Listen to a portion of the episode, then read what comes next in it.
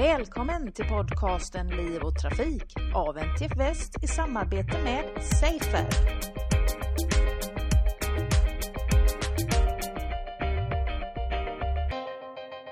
Liv och Trafik träffar idag Staffan Davidsson. Du har nyligen doktorerat i teknisk psykologi vid Luleå tekniska universitet och du är anställd vid Volvo Cars som Innovation Manager och din forskning har du bedrivit anknuten till Safer. Välkommen till Liv och Trafik. Tack så mycket. Din avhandling heter Adaptive Driver Information och vi ska prata om den idag. Vad betyder adaptiv förarinformation och vad är bakgrunden till eh, din avhandling? Bakgrunden är att vi vill eh, göra bilkörning mer säkert och eh, grönare och effektivare men också roligare. Och det vill vi göra genom att anpassa bilen istället för att anpassa föraren. Så det var utgångspunkten. Varför ska eh, körningen bli roligare? Eh, bland annat för att eh, vi tror att eh, förare som har kul när de kör bil eh, mår bättre. De håller sig mer piggare längre och därmed blir det också säkrare. Vad var det för frågeställningar du hade med dig i det här projektet? Ja, vi hade ju fyra forskningsfrågor som vi började med. Den, ena, den första var vad syftet med eh, förarinformation var eh, på en generell nivå. Och det var just de sakerna jag räknade upp. Eh, säkrare, grönare och till och med roligare. Då. Sen var det också vilka, vad är det för någonting som ska påverka det här att systemet ändrar sig själv? Det var nästa researchfråga. Och eftersom systemet ändrar sig själv så kan man kalla det för automation. Och eh, en av frågorna var därför att dyka in i de problem som kan finnas när bilen kör själv eller när eh, information ändrar sig själv. Och den sista frågan som eh, vi hade eftersom jag kommer då från Volvo så är vi mån om att det ska gå att använda den här forskningen till någonting. Så vi var ju, det var ju viktigt för oss att vi kunde även komma på sätt att lösa de problem som vi hittade i, i projektet. Då. Vad var det för eh, resultat du kom fram till här nu då? Om vi börjar exempelvis med eh, svårigheter eller problem som kan uppstå vid automatisk körning. Eh, det finns, eh, för det första vill jag säga att det finns många fördelar med automation. Det är att bilen eh, kör själv till exempel. Eh, det kan mycket väl i framtiden ge, göra bilkörning säkrare. Det tror jag. Eh, och dessutom frigör man eh, fantastiskt mycket tid eh, när bilen kör själv. Och det är ju viktigt. Det som är grejen är att hitta på eh, vad folk ska göra istället. Ehm, eh, vad gäller problem med automation så är det de traditionella automationsproblematiken. Det kan vara vem ska göra vad i ett sånt? Eh, ska bilen köra helt själv? Ta allt ansvar? Eller ska föraren vara med lite grann i loopen? Eller ska det här skifta automatiskt? Eller ska föraren bestämma vem som eh, ska ha det fulla ansvaret och så vidare?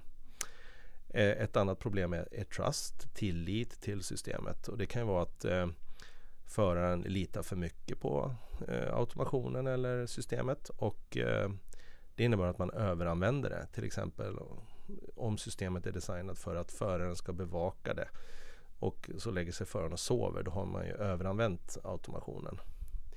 Underanvändning eller undertrust eller eh, undertilltro eller vad man ska kalla det på svenska. Det är ju när eh, eh, förare tänker att jag litar inte på det här systemet, jag kör bättre själv. Fast de egentligen inte skulle göra det. Eh, och då eh, underanvänder de systemet och det är inte heller bra. Eh, sen finns det sådana saker som mental arbetsbelastning som är ett eh, väldigt viktigt område inom automation och det kan ju exempelvis eh, vara så att du blir väldigt avslappnad. Du blir, eh, får en väldigt låg mental arbetsbelastning när automationen kör. Men när det väl händer någonting så måste du direkt vara jättealert och på hugget och ta över. Och en hjärna den, den ändrar sitt eh, eh, sin förmåga efter den belastning man tidigare har. Så att om du är underbelastad då, då under, underpresterar man också. Och eh, det innebär att i en situation där du måste ta över så har man svårt att göra det då. En, som man normalt, om man hade kört själv, inte skulle ha problem med. Sen finns det mer, flera andra saker också som är intressanta inom det, inom automation. Hur har studien eh, bedrivits? Vilka metoder har du använt dig av? Det har varit en, en härlig blandning av allt ifrån eh, eh, enkäter, webbenkäter. Vi har också gjort eh, eh, djupintervjuer eh, med folk. Vi har eh, eh också använt oss av eh, redan befintlig eh, data från till exempel sådana här Field Operational Teststudier, eh, fotstudier. Och eh, eh, vi har Eh, ja, eh, vad är det mer vi har gjort? Vi har simulatorstudier har vi jobbat med bland annat. Så det är, en, det är ett väldigt komplext eh, område som vi har jobbat oss igenom, eller jag har jobbat mig igenom. Det, är ju, eh, det har inte bara handlat om distraktion eller någonting annat som är ett område där man har ett fåtal metoder utan här har jag varit tvungen att använda massor av olika sätt. Lärorikt men jobbigt. Vad har du kunnat konstatera påverkar oss som förare? Då? Vilka faktorer är du har tittat på? Jag har bland annat tittat i ett område som handlar om eh, låg mental arbetsbelastning just. Och det är jättespännande för det är ganska lite utforskat. Under låg arbetsbelastning så tenderar människor till att somna. De eh, är dåligt förberedda för situationer där de behöver vara alerta och tänka fort. Eh, och det jag har gjort då, det är bland annat att titta på hur, jag, hur man kan höja eh, den mentala arbetsbelastningen utan att skapa visuell distraktion. Eh, exempelvis har vi tagit fram ett spel som bygger på att eh, föraren får frågor om sånt man har sett längs med vägen och om omgivning man är i. Och eh, det gör att föraren måste vara alert och på hugget. Och eh, det är bara röststyrning och det är bara eh, förinspelat tal så det är ingen visuell distraktion. Och det här har visat sig väldigt populärt hos, eh, hos de som har använt det här systemet. Då. Lite spel över det hela. När jag hörde dig eh, föreläsa om din forskning så sa du Drive and I tell you who you are. Vad eh, menar du med det? Eh, jo, en av de här studierna då mappade vi eh, körbeteende, det vill säga avståndshållning, hur man höll sig i filen, eh, acceleration och bromsmönster. Det korrelerar vi med eh, eh med eh, data från ett frågeformulär som samma förare har, har fått. Och vi kunde helt enkelt med, den, med att titta på de här datamängderna samtidigt kunde vi eh, förutse vem det var som var sensationssökare genom att titta på deras körbeteende. Och det är intressant. Så att egentligen då, kör bil och jag berättar vem du är lite grann. Och hur beter sig en sensationssökare i trafiken? Eh, sensationssökare de eh, de stimulerar sig själv för att uppnå optimal, sin egen optimala prestanda genom att eh, söka sensationer. De kör fortare, de eh, håller närmare avstånd, de kanske bromsar hårdare och så vidare. Och det här är intressant att veta. Dels för att eh, om du vet att en förare är sensationssökare så behöver de annan typ av information än, än en människa som bara söker trygghet. Exempelvis behöver de starkare stimuli. Eh, deras varningssignaler från eh, kollisionsvarningssystem och så vidare kanske behöver vara kraftigare än för de som inte söker stimulans. Eh, och eh, de som är då långt ifrån att vara sensationssökare de kanske skulle bli skrämda av den här typen av varningssignaler så det är bra att veta. Eh, Likaså gäller färger så kan man dämpa färger för de som inte är sensationssökare och förstärka för de som är sensationssökare. Man kan också på ett tidigare stadium stimulera dem, till exempel med hjälp av det här spelet som jag pratade om. Eh, för att slippa, eh, för att undvika då att de eh, kör fortare. Det är inte så att de känner, sig, att de gör, känner att de gör fel utan de känner bara att jag, jag fungerar ju bäst när jag får köra fortare, när jag får ligga nära, när jag är, är aktiv, väldigt aktiv i mitt beteende. Det gäller att hjälpa det beteendet utan att öka förstärka risken så att säga, göra det farligare. Men det här resonemanget låter ju i en förlängning som att eh, jag behöver veta vilken förartyp jag är då för att kunna eh, tala om för bilen hur den ska hjälpa mig på bästa sätt. Är det så? Nej, så är det ju faktiskt inte då eftersom bilen själv kan räkna ut vem, vilken personlighetstyp du är.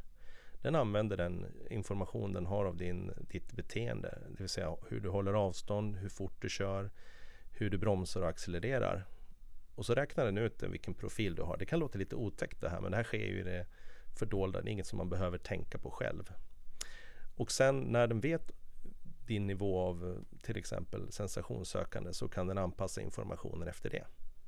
Det här är ju självklart väldigt eh, långt fram i tiden och det är ganska kontroversiellt också i och med att eh, det handlar om personlig integritet och så. Men det måste man ju på något sätt hantera då. Att vara en sensationssökande person i trafiken, betyder det att man är det inom andra områden av livet också? Ja, det här protokollet som, som man har använt då i forskning kring sensationssökande, det är eh, generiskt. Det är inte så att det är anpassat för bilkörning specifikt, utan det gäller för alla situationer. Men sen vet jag ju av egen erfarenhet att eh, hos vissa växer ju hornen ut så att eh, just när de sitter i en bil och hur, hur man hanterar det här, det vet jag faktiskt inte. Men det vi har använt är ett generellt protokoll. Vilka skulle du vilja säga är de viktigaste slutsatserna som du har dragit av din forskning och um, har det resulterat i någonting för ditt arbete på Volvo? Eh, ja, de viktigaste mm, bidraget är nog att vi har, dels har vi ju faktiskt implementerat en del av de tankarna som vi har i, den, i de bilmodeller som finns idag.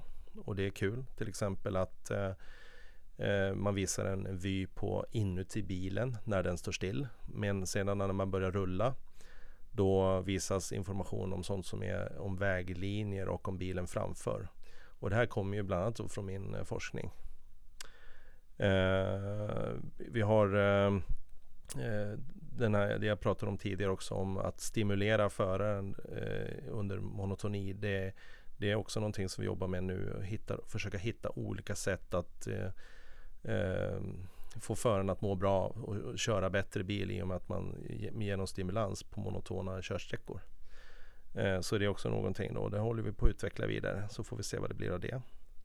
Sen tror jag också att själva tänket kring det här med hur samspelet mellan en människa och en, ett auto, automatiskt eller autonomt system ska funka. Det är också en sån, någonting som jag känner att det kanske har väckt några, eh, höjt några ögonbryn i vår organisation på att bilen och eh, föraren ska agera som agenter och vara lite jämnbördiga där man berättar för varandra om sin, eh, sin status och sin, eh, hur man mår och hur säker man är på sin sak och kanske även berätta om sina svagheter som eh, och det här är ju ingenting man sitter och babblar om, alltså bilen och föraren pratar om utan det gäller att analysera data och, och visa information. Bilen har ju möjlighet via sina displayer att visa information till exempel. Eh, medan eh, bilen kanske tittar på körbeteende, hur agerar föraren eh, och så vidare som, som sitt eh, sätt att kommunicera. Och kanske har kameror i bilen som tittar på föraren också. Då. Så det är väl det kanske som är de största bidragen. Och sammanfattningsvis så låter det som att, eh, att vara trafiksäker måste bli roligare. Att det är det som är din mission här. Ja, min mission är kul. Jag, jag brukar säga att bilkörning ska vara kul men det är inte alltid kul. Och det går faktiskt att göra det roligt utan att det är det enda som man gör är att satsa på väghållning. Eh, det går att köra bil länge, länge, länge och ändå ha kul utan att bilen har världens, världens coolaste väghållning och världens starkaste motor. Det är väl ungefär, det är väl mitt mission i livet kanske. Det låter som ett bra mission. Tusen tack för att du ville prata med oss Staffan. Tack så mycket. Det var allt från Liv och Trafik för denna gång. Jag heter Angela Elvård och tack för att ni har lyssnat.